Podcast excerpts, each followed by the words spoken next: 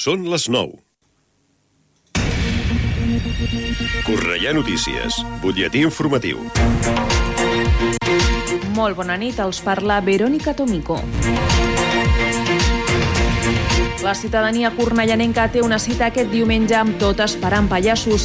Per fer més amena l'espera fins al proper Festival Internacional de Pallassos, es portarà a terme aquest espectacle amb molts artistes convidats i que faran riure els cornellanencs i cornellanenques durant tot el matí de diumenge a Camp Mercader. La programació es concentra entre les 11 del matí i les 2 de la tarda en diversos espais d'aquest parc. La llibreria cooperativa Pati Blau de Cornellà enceta el cicle de lectures perifèriques converses amb autors. La temàtica d'aquest trimestre és Desxifrant el món i comptarà amb tres sessions amb autors i periodistes de primer nivell com Tomàs Alcoberro, Xavier Aldacoa o Cristina Ribas. La primera cita és precisament aquest divendres amb Tomàs Alcoberro i tindrà lloc a dos quarts de set del vespre a la pròpia llibreria Pati Blau. Per participar cal fer inscripció prèvia. El Parc Esportiu Llobregat celebra la vuitena edició del Pin Zumba. Coincidint amb la commemoració del Dia Mundial contra el Càncer de Mama, la instal·lació local se suma als actes que organitza l'Associació Cornellà contra el Càncer amb aquesta sessió esportiva i solidària. La cita és dissabte 21 d'octubre de 10 del matí a 1 del migdia. Per participar no cal fer inscripció prèvia. I els castellers de Cornellà organitzen la 27a trobada castellera del Baix Llobregat. La cita és dissabte a dos quarts de sis de la tarda a la plaça de Catalunya. En aquesta diada castellera de gran format es reuniran 11 colles castelleres d'arreu de la comarca. Els camises liles estan preparant un taller que fa més de 20 anys que no assoleixen, el 4 de 8. Per aquest motiu, conviden tota la ciutadania cornellanenca a formar part i gaudir de l'espectacle, ja sigui unint-se a la pinya o des del públic. Fins aquí aquest butlletí informatiu. Poden seguir informats de l'actualitat de la nostra ciutat al Cornellà Notícies de la una del migdia, als butlletins horaris i a l'app i la web de Ràdio Cornellà. També trobaran les darreres actualitzacions i notícies al radiocornellà.cat i a les xarxes socials de la ràdio, Twitter, Facebook i Instagram. Ara el temps. Connectem amb l'Agència Estatal de Meteorologia. Bona nit. Demà dijous avisos per pluja i vent de fins a 80 km per hora al Pirineu i avisos costaners a Tarragona i a Barcelona. El Pirineu Occidental estarà cobert amb precipitacions persistents que no es descarta que siguin localment fortes al final del dia i a la resta tindrem intervals ennubulats amb precipitacions febles i disperses avançant d'oest a est i generalitzant-se i intensificant-se al final del dia. Les temperatures baixaran i marcaran 27 graus a Girona, 26 a Lleida i 25 a Barcelona i també a Tarragona i al Pirineu Pirineu. El vent serà moderat a fort al sud amb cops molt forts a cotes altes i a la resta serà entre fluix i moderat. És una informació de l'Agència Estatal de Meteorologia. L'informació de Cornellà. Més a prop, impossible. Ràdio Cornellà, 104.6 FM.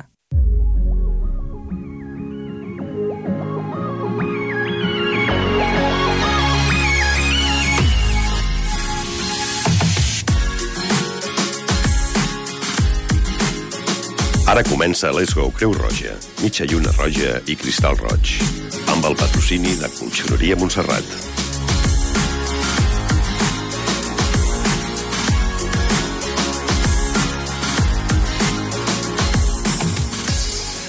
...21 hores 3 minuts, aquí comença novament una setmana més del programa de l'Hora de Creu Roja, com sempre molt ben acompanyats. Rosa Maria Pastor, bona nit. Bona nit. Alba Fernández, bona nit. Bona nit. Avui no tenim la companyia del nostre company Emilio Aguilar, perquè avui està fent altres coses, és un home molt, molt, molt Ocupat. molt ocupat, però també es va dir que ens va dir que si, si podia arribar, arribar, arribaria, o sigui que tampoc ho podem descartar de forma automàtica perquè mm. possiblement està. I tenim el control, com sempre últimament, el nostre company Quico Belinchón, i a la veu que us parla Joan Garcia. Com comença, aquí comença l'hora de Creu Roja d'avui, dimecres 18 d'octubre de 2023. Anava a dir 1914, però em sembla que estava una mica retrasat l'any, eh? I, I llavors, amb aquests, amb aquest dies concretament, amb aquest dia de, de programa avui, tenim uns titulars, com sempre, que són novedosos, o sigui, són titulars que parlen de com contribuir a canviar el sistema de, de, de cura de la, de la gent gran, al tanto, que és un tema que comença a haver-hi un programa de Creu Roja que està proposant fer aquests canvis, i després parlarem més profundament del tema. Tot arriba més forts és un noi que va emigrar fa molt de temps i va recórrer molts quilòmetres per arribar a Espanya i finalment està aquí integrat i a més a més està fent de traductor, també sabreu d'aquesta història, que és una història molt important. La disciplina positiva com una forma d'educar, eh, diguem, sense imposicions, fent que el noi o noia o el jove jove d'alguna manera eh, aprengui a entendre les coses i el perquè de les coses, però això us ho explicarà la nostra companya Mayalén Prieto, que com sempre dedicarà el temps a aquestes qüestions. El bullying, eh, que és un, una, diguem, una, un problema social greu, que ens està constantment acompanyant i que no hauria d'estar present amb les relacions escolars ni amb les relacions de joves i, i, i de més, perquè això és un problema que realment arriba arriba a la, a la salut mental de la persona que es, que es troba en aquesta situació. I parlarem, com sempre, de, amb la secció lúdica de les adivinances de la nostra companya Olga George i recordarem l'endivinalla de la setmana anterior que ens la va, ens la va facilitar nostra, la nostra companya Alba Fernández aquí en directament, en viu i en directe, eh? en viu i en directe ho va fer. I avui ho tornarà a recordar, sobretot per, per donar-los el, el telèfon en el qual poden participar i portar-se un premi de Creu Roja, i parlarem d'altres mm, preocupacions importants com pot ser la reforestació i, i el, el treball, diguem, de cura del medi ambient que és eh, una, una de les eines que ens hauríem de plantejar precisament per tornar o com a mínim per recuperar la part perduda del medi ambient. La nostra companya Madeleine Prieto ens dirà també alguna qüestió de geografia i ens, ens farà pensar una mica de quin és una, un oceà, un mar o una, un territori que està molt a prop i que hem de pensar una mica per donar la solució. I recordeu que també us donarem el telèfon per les solucions. I finalment parlarem de la salut mental que el passat 10 d'octubre es va commemorar el Dia Mundial de la Salut Mental. I parlarem de temes de dret sobretot de les parelles de fet. I què devem saber per saber quins drets tenen, que tenen. I sobretot parlarem de Catalunya, perquè com que estem aquí a Catalunya, doncs eh, farem 5 cèntims de quina és la consideració que tenen les parelles de fer i quins són aproximadament els seus drets i com poden ser i com poden deixar de fer, perquè també l'extinció de la parella de fet també també té el seu temps. Mm -hmm. I tot això seran els titulars d'aquest dia 18 d'octubre 2023 i ara parlem de primers auxilis com sempre aquí al 104.6 de la FM. No t'imagines com de valuós pot ser un gest a la teva empresa. Un somriure que motiva, un senyal d'aprovació que orienta, una compressió al pit que ajuda a recuperar una parada cardiorrespiratòria. Ensenya al teu equip els gestos més valuosos. Informa't i contracta els cursos de primers auxilis per a empreses a cruzroja.es o al 902 22 22 92. Aprèn a salvar vides. Contribuir a cambiar el sistema de cuidados actualmente vigente en la sociedad y ayudar a crear sistemas alternativos que garanticen el acceso del derecho o a los derechos de las personas. Es una preocupación que tiene Cruz Roja y es un programa especial que está haciendo y, del cual su contenido ahora sabremos con las noticias que mis compañeros y compañeras me van a ayudar a, a exponer en este primer titular de las noticias de hoy, porque Pili, junto a sus amigas Isabel y Milagros, acuden cada día a las actividades que propone el ayuntamiento de su localidad. Una localidad que se llama La Esperanza, Es un pueblo montañoso y aislado de poco más de 3.000 habitantes. Está situado muy cerca del mar en Santa Cruz de Tenerife. Las tres, a pesar de tener cerca de 80 años, se valen por sí mismas. El grupo de amigas participa habitualmente en talleres de ejercicio saludable o estimulación cognitiva destinados a personas mayores. En uno de esos talleres se enteraron de que en su pueblo se había iniciado Reforzando Vínculos, una iniciativa impulsada desde Cruz Roja que busca activar la comunidad de vecinos y vecinas de la esperanza para favorecer la autonomía personal y las relaciones entre las personas de su edad. En menos de una semana, el grupo de Pili se había sumado a unos espacios de encuentros semanales donde otras personas empezaban a llegar con el objetivo de echar el ratito, hablando de lo que a ellas les importa. Allí conocieron a José Luis y Jun, un matrimonio que vive en una zona aislada y que hace muchos años decidieron que fuera el lugar ideal para criar sus hijos y formar una familia, pero que ahora les limita a la hora de poder hacer actividades. Esos espacios de encuentro y relación fomentados por Cruz Roja complementan la actividad que ya existe para personas mayores, permitiendo que se aborden temáticas que les preocupan e interesan, generando y fortaleciendo los vínculos existentes e involucrando así a otras organizaciones del entorno. Ahora cada martes Pili recoge en coche a María Teresa, otra de las participantes, que antes no podía llegar al club de la tercera edad de la esperanza para los talleres de memoria al no disponer de un medio de transporte. Gracias a esos vínculos generados durante los espacios de encuentro, María Teresa Omari, como todo el mundo le conoce allí, ha pasado no solo a ser compañera del ratito, sino que también participa en otras actividades que Cruz Roja le propone y que le ayudan a sentirse bien. Esta historia es real, es el mejor ejemplo de cómo fomentando esos espacios de encuentro en los que las personas hablan, se relacionan, comparten sus necesidades y deseos e implicando a vecinos y vecinas, a comercios y a otros agentes, podemos avanzar hacia un modelo de cuidados distinto del actual, en el que ocasiones parece que la única alternativa es tener que abandonar el propio hogar para ingresar en algún centro o institución. Este modelo que defendemos desde Cruz Roja no es nuevo. En muchos países europeos, entre ellos España, se está replanteando el sistema de cuidados existentes y se está buscando alternativas a ese modelo de institucionalización.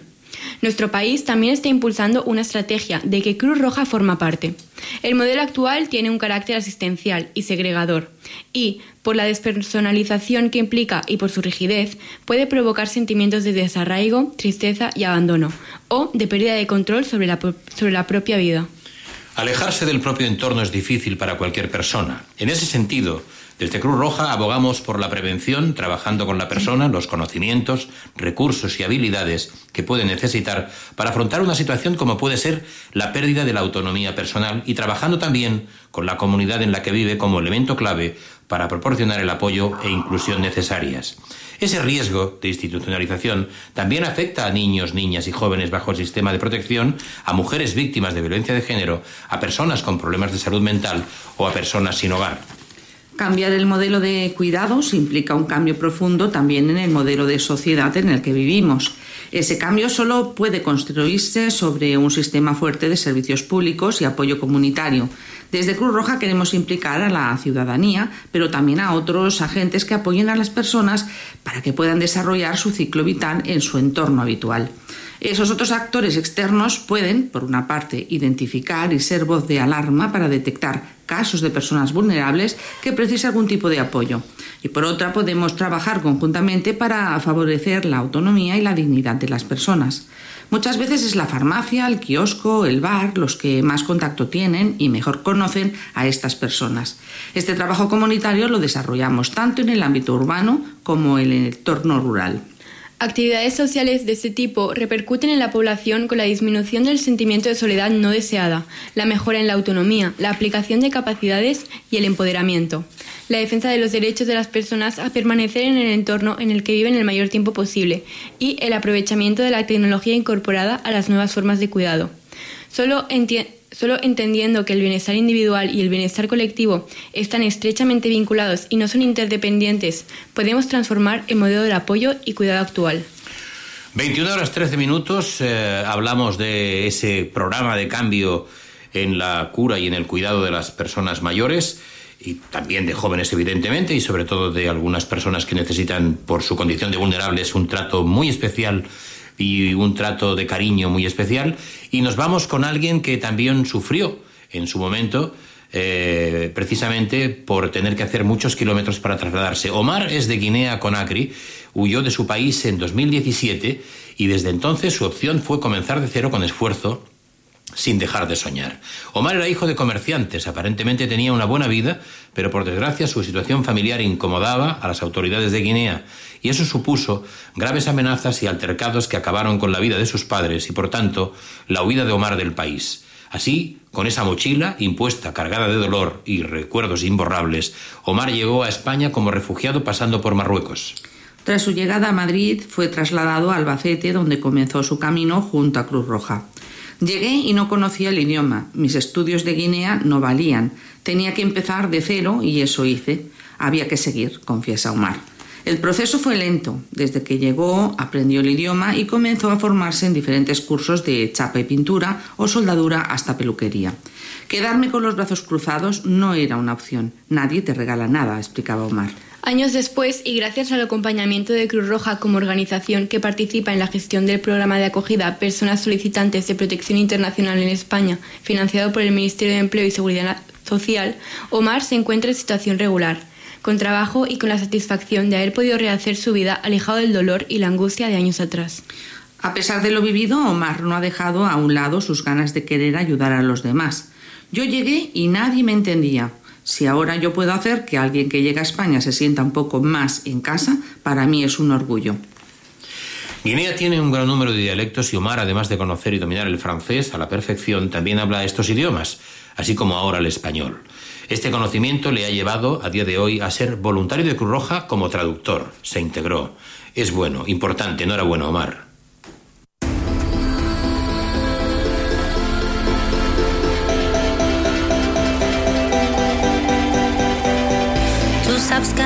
amago solta els meus llençols. És un somio sempre les coses que vull fer. Va robar millor de mi però no em pensaràs així. Penses que no queda ja res de bo. De tu l'em vas destrossar però jo sóc més fort que tu. Ques no en coneixes o el que no et mata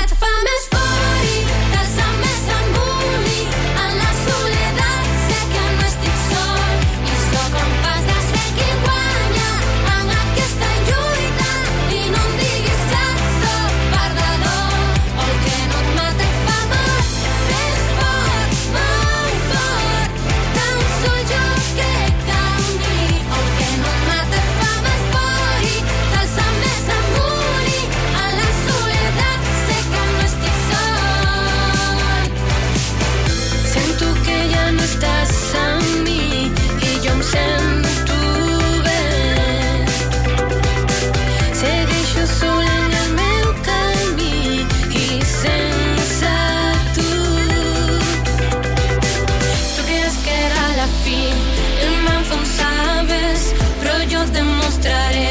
O el que no et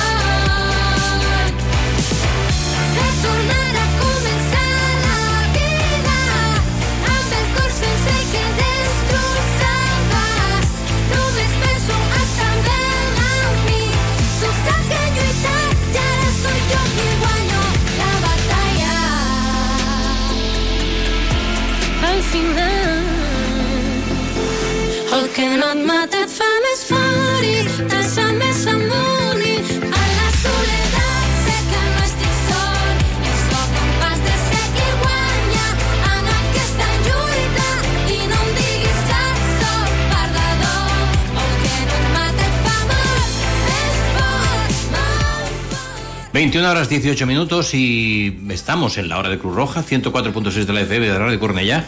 Y tenemos la presencia de nuestra compañera Mayalén Prieto, que hoy nos viene a hablar de la disciplina positiva, de una forma de educar muy especial, una forma de educar sin imposiciones, es decir, haciendo entender las cosas, pero ¿para qué voy a seguir yo hablando si nos lo va a explicar perfectamente nuestra compañera? Escuchen. Buenas noches a todos.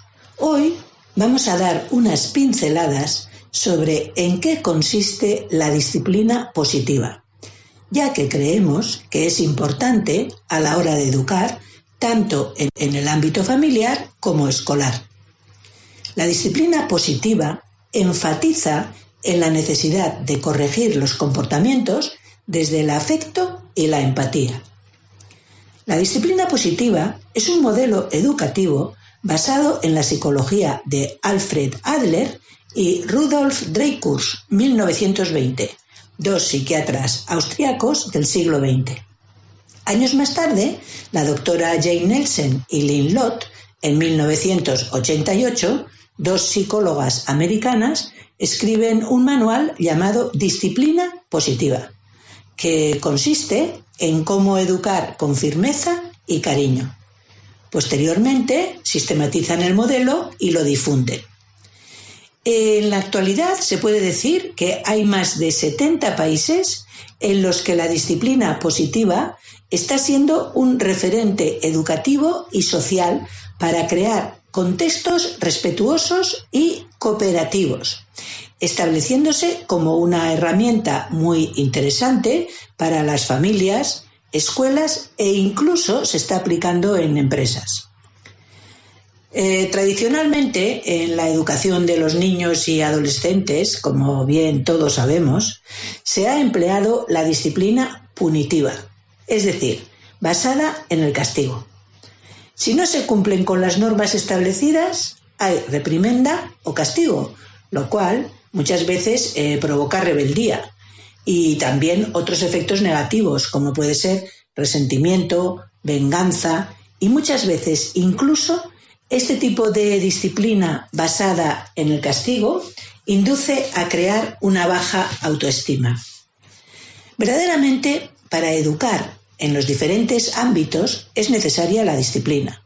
Ser disciplinado es importante en la vida. Los niños, en principio, deben saber aquello que se puede y no se puede hacer. Han de aprender que son responsables de sus actos y que toda acción tiene una consecuencia. La disciplina siempre ayuda a aprender las formas adecuadas de comportarse y de actuar. Ahora bien, nos podemos preguntar, ¿qué significa aplicar la disciplina positiva? ¿Por qué es útil aplicar la disciplina positiva? Pues bien, porque esta disciplina nos enseña a los adultos, es decir, a los que tenemos la responsabilidad de educar, tanto en el ámbito familiar como escolar, a tener que actuar con amabilidad, con respeto y al mismo tiempo con firmeza. Lógicamente, a la hora de aplicar la disciplina positiva, se requiere, en primer lugar, actuar con respeto hacia nosotros mismos. Quien no se respeta a sí mismo difícilmente puede respetar a los demás. Y luego, el respeto atendiendo a las necesidades de los educandos, es decir, de aquellos a los que estamos educando, tanto en el ámbito familiar como en el, escolar, como anteriormente hemos dicho. Asimismo, se debe educar sin castigos. La disciplina positiva nos anima a sustituir los castigos por dar soluciones a cada uno de los problemas. Los castigos no educan en la responsabilidad, sin embargo, los límites sí. El castigo empobrece la autoestima y el autoconcepto. Tengamos esto en cuenta. Con el castigo, en lugar de verse capaces de hacer las cosas, se verán a sí mismos con escasas habilidades. Los castigos, en realidad, no llevan a reflexionar y ser responsables, sino a acatar las normas porque sí, para que no nos castiguen. Hay que educar teniendo en cuenta que antes de nada se deben establecer qué consecuencias tienen nuestros actos. Es necesario en el proceso educativo dar habilidades y herramientas para resolver problemas. En definitiva, se trata de fortalecer la autoestima. La autoestima aumenta cuando uno se enfrenta a las circunstancias. Por ello, en la disciplina positiva se trata de alentar a actuar poniendo atención al esfuerzo y a la mejora, no poniendo el foco únicamente en el éxito. No siempre se tiene éxito eh, con nuestras actuaciones. La autoestima nunca va a depender de lo que tienes, de lo que sabes o de lo que eres. Va a depender siempre de la aceptación personal. Es decir, que uno se acepte a sí mismo. La base de la disciplina positiva es siempre el respeto y siempre teniendo en cuenta al educando. Daremos unas pautas concretas. En principio, es conveniente hablar primero con los hijos o escolares consensuando las normas que se deben llevar en casa o en el aula, si es el caso, y siempre estableciendo unos límites argumentados. Las normas siempre deben ser claras, con sentido y comprensibles. Por poner un ejemplo, en periodo escolar Debo respetar las horas de ir a dormir, es decir, las horas de sueño, porque al día siguiente debo ir a clase y prestar atención a las explicaciones. Ahora bien, siempre hay normas o límites que son indiscutibles, como puede ser, por ejemplo, evitar el insulto, evitar la agresión física, el apoderarse de lo que no es de uno, etcétera, etcétera.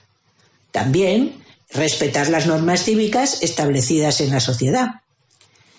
Es importante que el educando ayude a reflexionar sobre el comportamiento de los hijos o escolares cuando hagan algo incorrecto, para que entiendan el por qué lo que han hecho está mal y las consecuencias que la actuación incorrecta tiene o pueda llegar a tener. Como anteriormente hemos comentado, es mejor utilizar la reflexión y evitar el castigo. Los límites em, se deben establecer de manera firme, pero siempre de manera cariñosa, con respeto y empatía, y siempre que se pueda, consensuándolos. Es conveniente fomentar la autonomía. Ser autónomo consiste en decidir conscientemente qué reglas son las que van a guiar el comportamiento de cada uno. Es conveniente que el educando tenga claras las normas que se deben respetar para que sea capaz de tomar sus propias decisiones con libertad y responsabilidad. Es fundamental hablar siempre de forma positiva de los hijos o alumnos en su caso, y nunca criticarlos ni etiquetarlos, y menos delante de otras personas. Tampoco es, conveniente compararlo con los hermanos o con otros compañeros, ya que cada uno es un ser especial, con características únicas e individuales. En definitiva, el educando siempre debe aplicar el respeto y la comunicación, ya que son la clave para educar con límites positivos. Se trata de conseguir la mejor versión de nosotros mismos. Tarea no fácil, pero que se puede conseguir siempre con voluntad y aprendizaje, ya que los educadores somos el mejor modelo a seguir. La disciplina positiva cree que una persona que crece desde su infancia con educación y límites positivos se convertirá en un adulto con más capacidad de llevar una vida plena. Si alguno de vosotros queréis profundizar sobre la educación en base a límites positivos, hay mucha bibliografía al respecto que podéis encontrar en las librerías.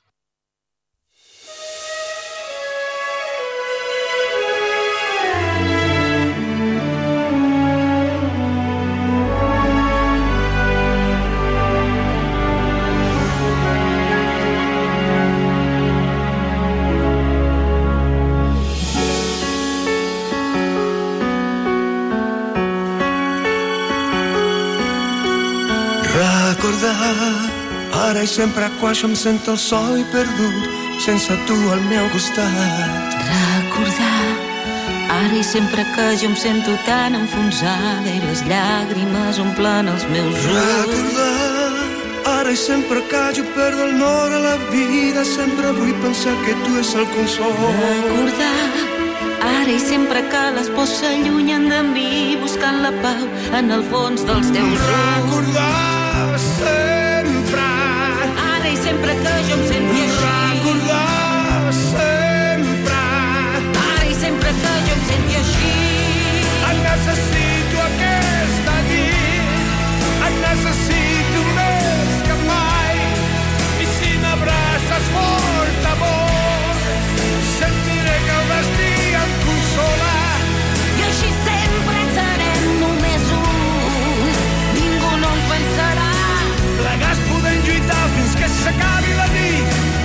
Plegats podem lluitar perquè no arribi al final. Jo no sé què fer si tu no estàs amb mi Encega't el camí és sempre fred i dur Et necessito prop meu, d'aquí fins a l'eternitat. D'aquí fins a l'eternitat. Fa molt de temps jo em vaig enamorar i ara em trenco a trossos per tu.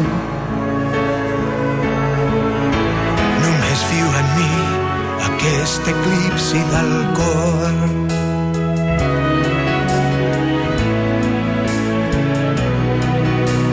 Ja fa molt de temps una llum als teus ulls que ara s'ha apagat era pa. Només viu en mi aquest eclipsi del cor.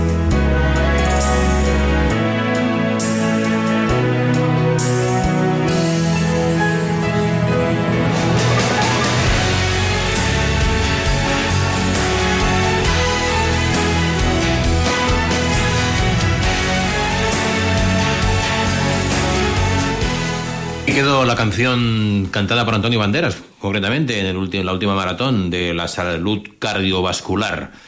La, aquest eclipsi del cor és la, el títol de la cançó i Antonio Banderas, com deia, era un dels que la cantava. El bullying, el acoso escolar, sigue siendo una problemática a la que hacer frente. Por esto y por su constante explicación, Cruz Roja Juventud ha organizado una charla por streaming durante su quinta edición de las jornadas generando convivencia frente al acoso escolar con el objetivo de sensibilizar y promover herramientas para erradicar esa lacra social.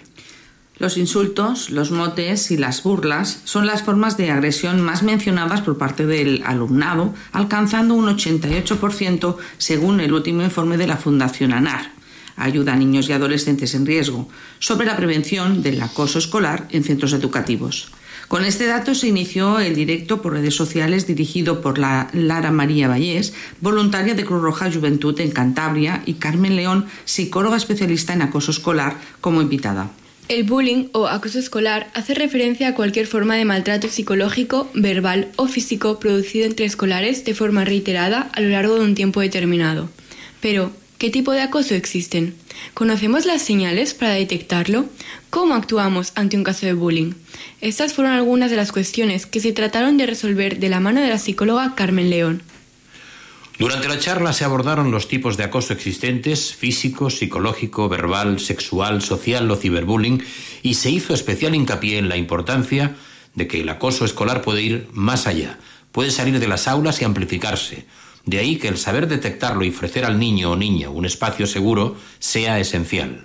Desde Cruz Roja Juventud, más allá de las jornadas como estas que se iniciaron en el año 2019, se llevan a cabo campañas de sensibilización, formaciones online sobre bullying, creación y difusión del protocolo de actuación en situaciones de acoso en espacios de educación formal y no formal, seminarios presenciales o digitales, así como materiales didácticos sobre acoso escolar para que la comunidad educativa pueda trabajar y aprender sobre esta temática. Otro de los puntos que se trataron en el directo fue la importancia de trabajar las emociones y la salud mental desde la infancia, de manera que los niños y niñas se nutran de vínculos y referentes sanos y, además, aprendan a gestionar y detectar lo que les sucede. En la infancia estamos en continuo aprendizaje y es fundamental transmitir a los y las más pequeñas cómo relacionarse saludablemente con otras personas, apuntó la psicóloga. Además, ser capaces de reconocer como público activo una situación de acoso escolar es clave. Pero muchas veces el miedo o el desconocimiento puede paralizarnos.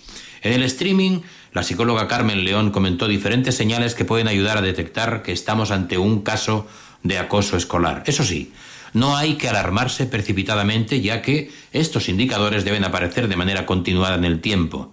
Existen las señales de carácter físico, como marcas en la piel, migraña, dolores de cabeza, autolesiones. Señales conductuales, es decir, observar que el comportamiento del niño o niña no es el habitual, señales emocionales, como el miedo, el llanto frecuente, el bloqueo, y por último señales de carácter psicológico, como es el miedo o rechazo a ir al colegio, aislamiento social respecto al resto de compañeros, pérdida de apetito, dificultad para dormir, reacciones violentas frente a sus seres queridos, estando o estado bajo de ánimo. En definitiva, a lo largo de esta hora de charla, enmarcada en las jornadas Generando Convivencia frente al acoso escolar, se puso en valor la importancia de hablar sobre el bullying para no silenciarlo. Es trabajo de todos y todas, es necesario hablar sobre el acoso escolar desde edades tempranas, adaptando la manera de contarlo según la edad, pero con el objetivo común de que la población y sobre todo la infancia sea capaz de reconocerlo, detectarlo y luchar contra él. Tus gestos son muy valiosos. Impulsan, dan fuerza, valor, unen, e incluso salvan vidas. Protege. Avisa. Socorre. Aprende a salvar vidas con Cruz Roja. 21 horas 34 minutos, llegamos al momento lúdico de las adivinanzas y os recordamos que la semana anterior la adivinanza fue eh, aquí, dicha en vivo y en directo por nuestra compañera Alba Fernández, que nos la va hoy a recordar. Alba, Vale, atentos. ¿Qué sirve más roto que sin romper? Fácil. ¿cuál fue la solución? La solución era el huevo. Muy bien, tuvimos la solución. Eh, pues no fue tan fácil porque no tuvieron tantos participantes. Qué Mm. mal. Estuvieron contaditos. Pero tenemos una adivinanza que sí nos ha preparado nuestra compañera Olga Yorsi para la semana que viene y atentos porque además os daremos un número de teléfono y a ese número de teléfono tenéis que enviar una nota de voz. Pero es importante, lo vamos a recordar y luego lo volveremos nuevamente a reiterar. Es importante que digáis el nombre y el apellido, porque hay veces que nos envían el la solución, pero no sabemos ¿A quién corresponde? identificar quién ha sido. Por lo tanto, importantísimo. La nota de voz con la solución es posiblemente el punto central, el núcleo de todo el tema, pero la identificación también. Entonces, 21 a 36 minutos, vamos a la adivinanza de la semana próxima, la que tenemos que ir pensando en esta semana y sobre todo la que tenemos que dar a través del teléfono, que ya voy a empezar a decir para que tengamos atención. Prestar atención que es un teléfono nuevo. 678 43 34 86. 678 43 34 86. Es un teléfono de Cruz Roja, ¿eh? donde tenéis que dar la solución, pero a esa adivinanza. ¿Quién se desviste cuando hace frío? Ahí acabó, ¿eh? ¿Quién se desviste cuando hace frío? También es cortita esta, ¿eh? La solución, nota de voz a través del WhatsApp al 678 43 34 86, 678 43 34 86. ¿Y quién se desviste cuando hace frío? No cuando se va a acostar, no, sino cuando hace frío. Ahí quedó la adivinanza de nuestra compañera Olga Giorgi para la semana que viene. Y ahora un breve consejo contra la soledad y volvemos enseguida. Ansiedad, insomnio, depresión. Llamar a las cosas por su nombre es de valientes. Pedir ayuda, si lo necesitas, también. Cruz Roja te escucha. Llámanos 900 107 917.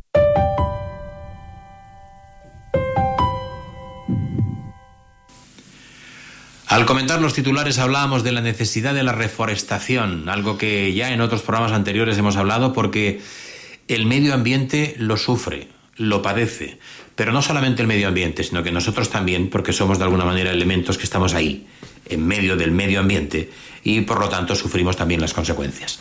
Cada vez nos preocupa más el cambio climático, o al menos eso esperamos, que nos preocupe más el cambio climático. Según una encuesta de las Naciones Unidas, la mayoría de la población mundial lo considera el principal reto al que nos enfrentamos durante la próxima década, y es que el crecimiento exponencial de los núcleos urbanos, la agricultura o la ganadería extensivas, entre otros factores, han contribuido a la desaparición de enormes zonas del bosque cuyo papel era fundamental para la absorción del CO2 de la atmósfera. De ahí el valor que tienen los sumideros de carbono, es decir, los sistemas o procesos que permiten extraer gases de la atmósfera y almacenarlos como una solución natural y complementaria para ayudar en el reto de frenar, de frenar el calentamiento global. La solución es la reforestación. La reforestación consiste en la recuperación de zonas boscosas destruidas en épocas recientes mediante la plantación de árboles nuevos, normalmente con especies autóctonas. Se trata de la solución principal frente a dos de los fenómenos que más impactan en la degradación de la tierra, la desertificación y la deforestación. Ambas tienen numerosos efectos negativos para el medio ambiente. La pérdida del hábitat de millones de especies que pueden verse abocadas a la extinción, la alteración del ciclo del agua disminuye la disponibilidad de agua potable y las lluvias se concentran en áreas más verdes. La erosión conlleva la pérdida de fertilidad del suelo y mayor riesgo de corrimientos de tierra e inundaciones. El protocolo de Kioto y los acuerdos de París contemplan la reforestación como una de las actividades destinadas a lograr un desarrollo limpio, siendo una magnífica opción para recuperar biodiversidad y espacios verdes.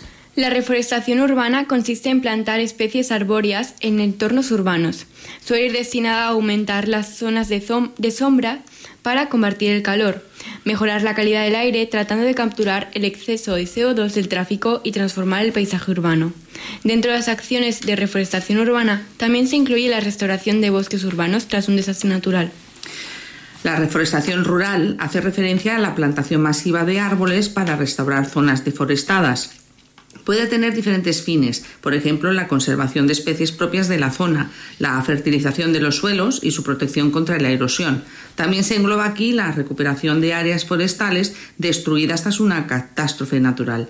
La reforestación reporta beneficios como reduce la contaminación del aire y a su vez el efecto invernadero que está contribuyendo al calentamiento global. Impulsa el desarrollo rural, ayudando a fomentar el empleo local de manera inclusiva e impulsando el tejido empresarial entre estos entornos. Favorece la restauración de antiguas zonas boscosas y la recuperación del hábitat natural y especies autóctonas. Contribuye a mejorar la salud y la calidad de nuestro entorno.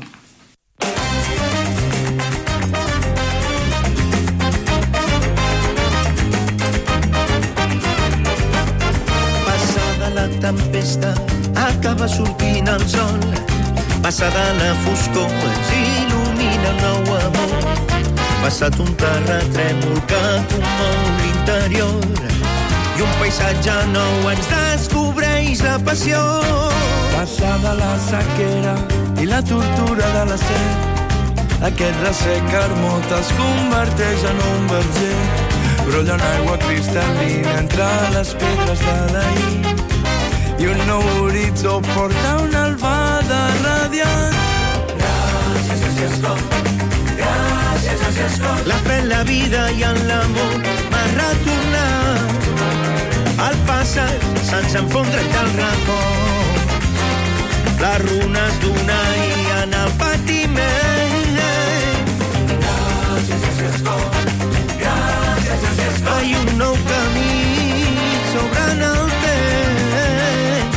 esquerda lluminosa cap al coneixement i l'animarà a cantar amb agraïment. Ai, passada la tempesta, acaba sortint el sol. Passada la foscor, ens il·lumina un nou amor. Passat un terratrèmol que comou l'interior, un paisatge nou ens descobreix la passió. La fe en la vida i en l'amor m'ha retornat al passat sense enfondre't del record. Les runes d'una i en el patiment. Gràcies, com. Gràcies. Ai, un nou camí s'obre en el. Una esquerda lluminosa cap al coneixement i l'animarà a cantar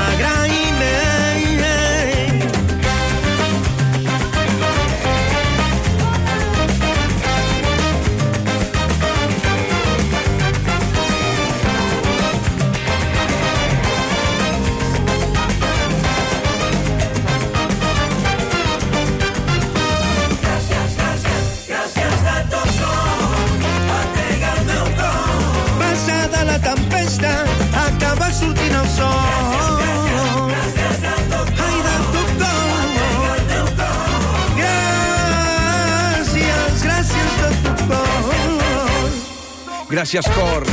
Thank you, arigato. Encenga el ventilador, llarga vida al gato. No se n'anem, navego bé l'envia el vent. 21 horas 44 minutos y volvemos con nuestra compañera Mayalén Prieto, que la semana pasada nos dejó en el Hoy Viajamos, no nos estuvo apuntando para que ah, em, de alguna manera adivinásemos dónde era el, el destino, sino que nos hizo una pregunta de geografía, que si recordáis hablaba de, creo recordar que la extensión de uno de los cinco océanos. ¿Cuál era más más o menos grande, esta, no? sí, algo así era. Hmm. Hoy una pregunta de cultura general. Todos sabemos que en el mundo hay cinco océanos, el Océano Atlántico, el Pacífico, el Índico, el Glaciar Ártico y el Antártico. Pero de los cinco océanos, ¿cuál es el de mayor extensión? Es decir, ¿cuál es el más grande? Si tenéis la respuesta, llamar al número que se os indicará. Y ya sabéis que el primero que acierte tiene un premio. Esperamos vuestras llamadas. La respuesta era el Océano Pacífico. Además es de, de mayor extensión de los cinco. Y como no nos dejó completamente, digamos, eh, sorprendidos con aquella especie de prueba, esta semana nos ha aportado otra que también es muy sencilla. Por lo menos es lo que dijo Alba cuando la escuchó. Vamos a ver. Esta adivinanza sobre geografía es súper fácil. Animaros a llamar al teléfono que se os indica. A ver quién acierta.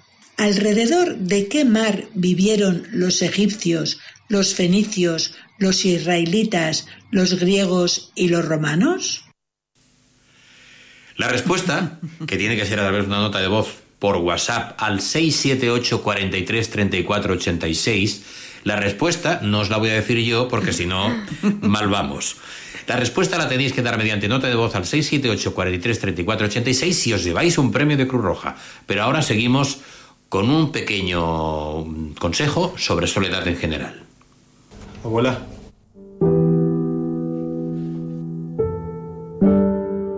Las personas de nuestro entorno no siempre admiten que no están pasando por un buen momento emocional.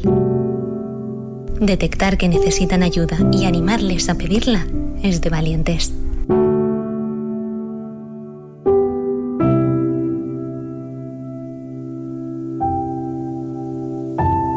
Llámanos 900 107 917.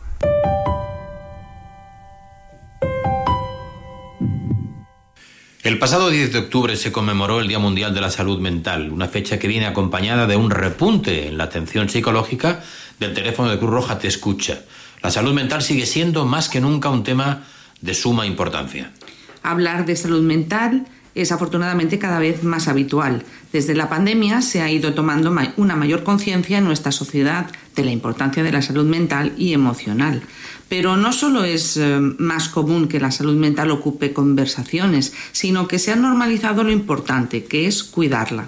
Se ha puesto de revela- relevancia que la mayoría de las personas padecemos a lo largo de la vida episodios de ansiedad, estrés, bajo estado de ánimo o depresión, que nos afectan profundamente y para los cuales es necesario solicitar ayuda profesional.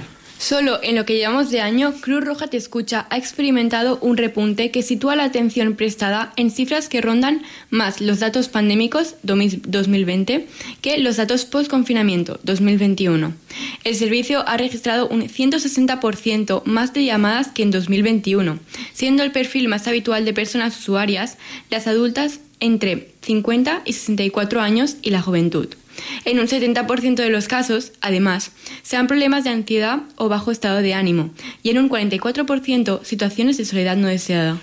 Encontrar las razones de este aumento de llamadas no es difícil. Factores como el incremento de los precios, el impacto socioeconómico en la pandemia, los desastres asociados a las crisis climática o el conflicto de Ucrania y ahora un nuevo conflicto que tenemos desde la semana pasada, que además todos lo sufrimos porque es lo que ocurre, aunque sea a miles de kilómetros, están impactando negativamente en el bienestar de la población especial eh, y especialmente en la más vulnerable. Como consecuencia, se está generando un mayor estrés y angustia al no poder cubrir las necesidades básicas, así como un mayor temor hacia un futuro cada vez más incierto.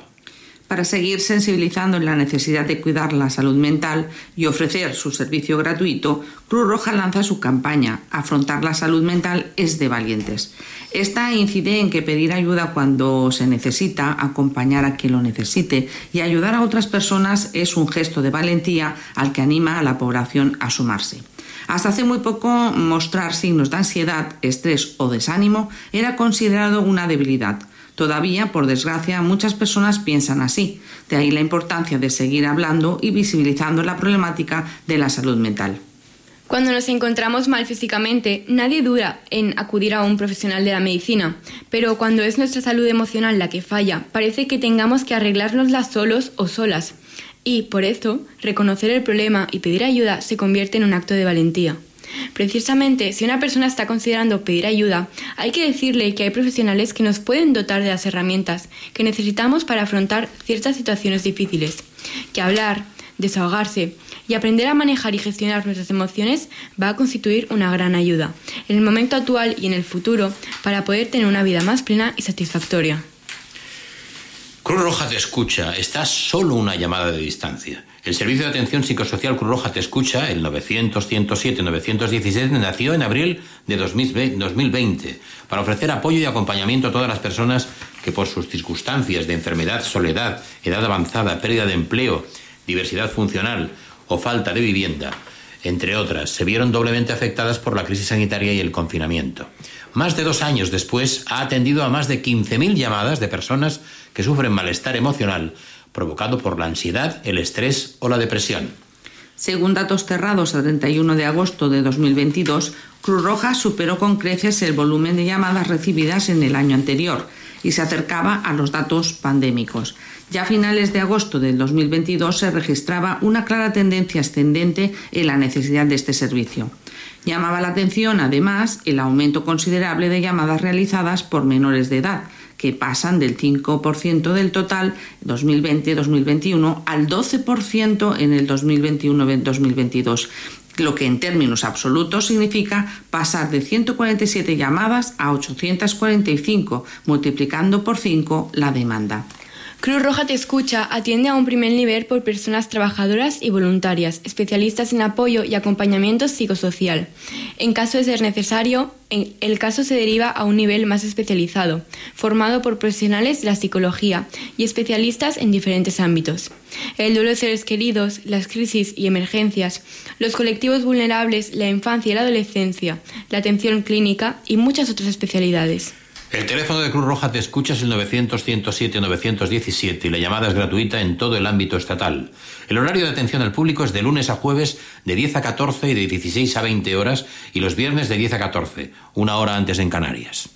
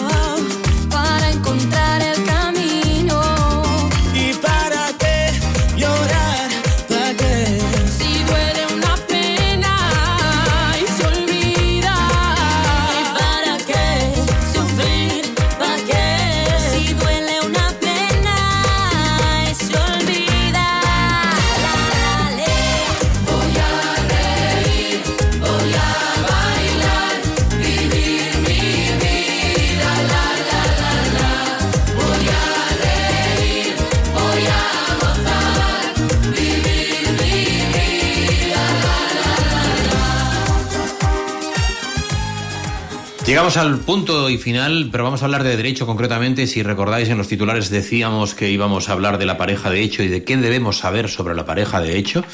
Este es el último tramo del programa y creo que vamos a acertar en, que, en hablar que hoy en día las formas en las que se organiza la sociedad son diferentes a lo que tradicionalmente venía prevaleciendo. Los modelos de sociedad han evolucionado y, por tanto, el derecho, es decir, las leyes, deben adaptarse a las nuevas situaciones. ¿Qué entendemos por pareja de hecho? Pareja de hecho, llamada también unión de hecho, consiste en la convivencia pública y estable entre dos personas de distinto o igual sexo con intereses comunes en desarrollar una vida familiar, pero que no han contraído matrimonio. Las parejas de hecho no son jurídicamente equiparables al matrimonio. Hay similitudes, pero también diferencias. No existe una ley de ámbito nacional, al- nacional que regule las parejas de hecho. Cada comunidad tiene su propia ley sobre parejas de hecho.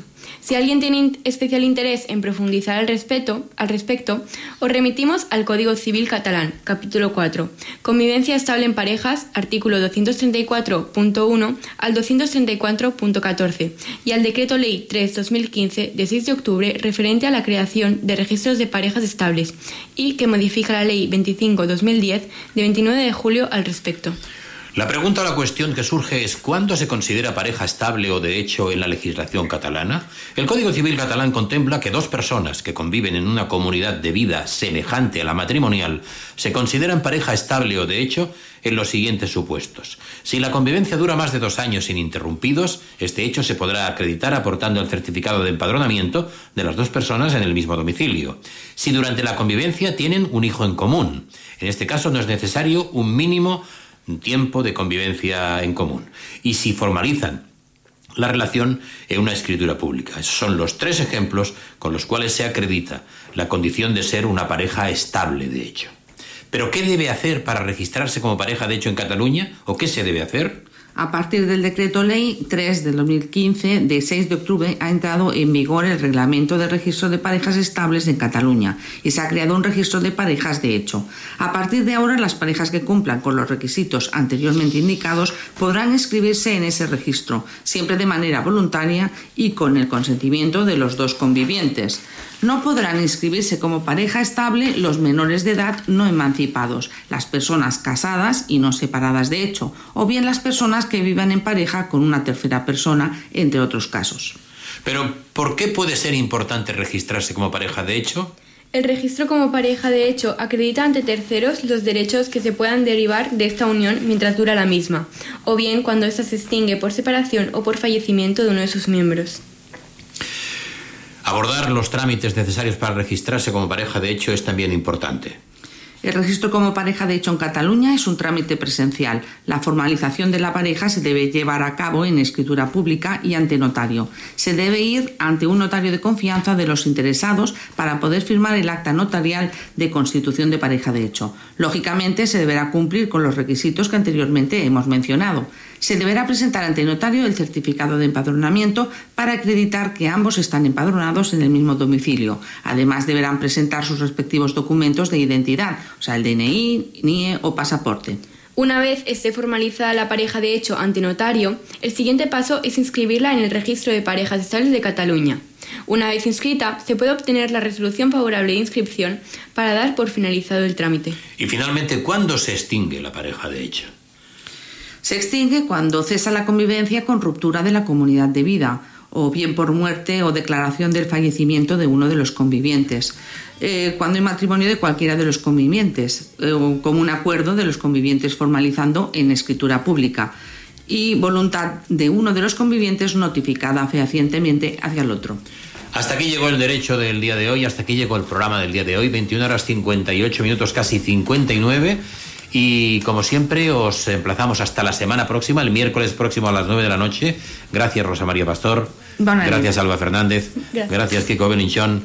Gracias a ustedes por haber estado en el 104.6 de la FM Radio Cornellá y hasta la semana próxima. Un abrazo.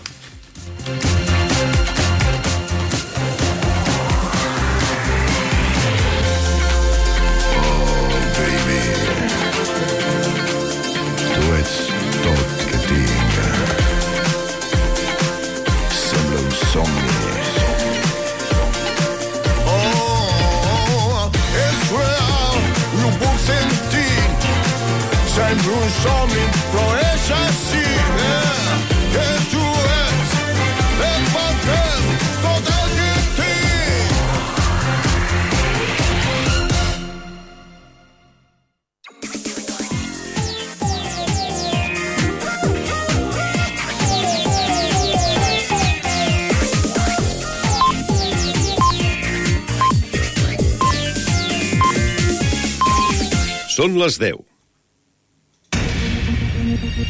Cornellà Notícies, butlletí informatiu. Molt bona nit, els parla Verónica Tomico.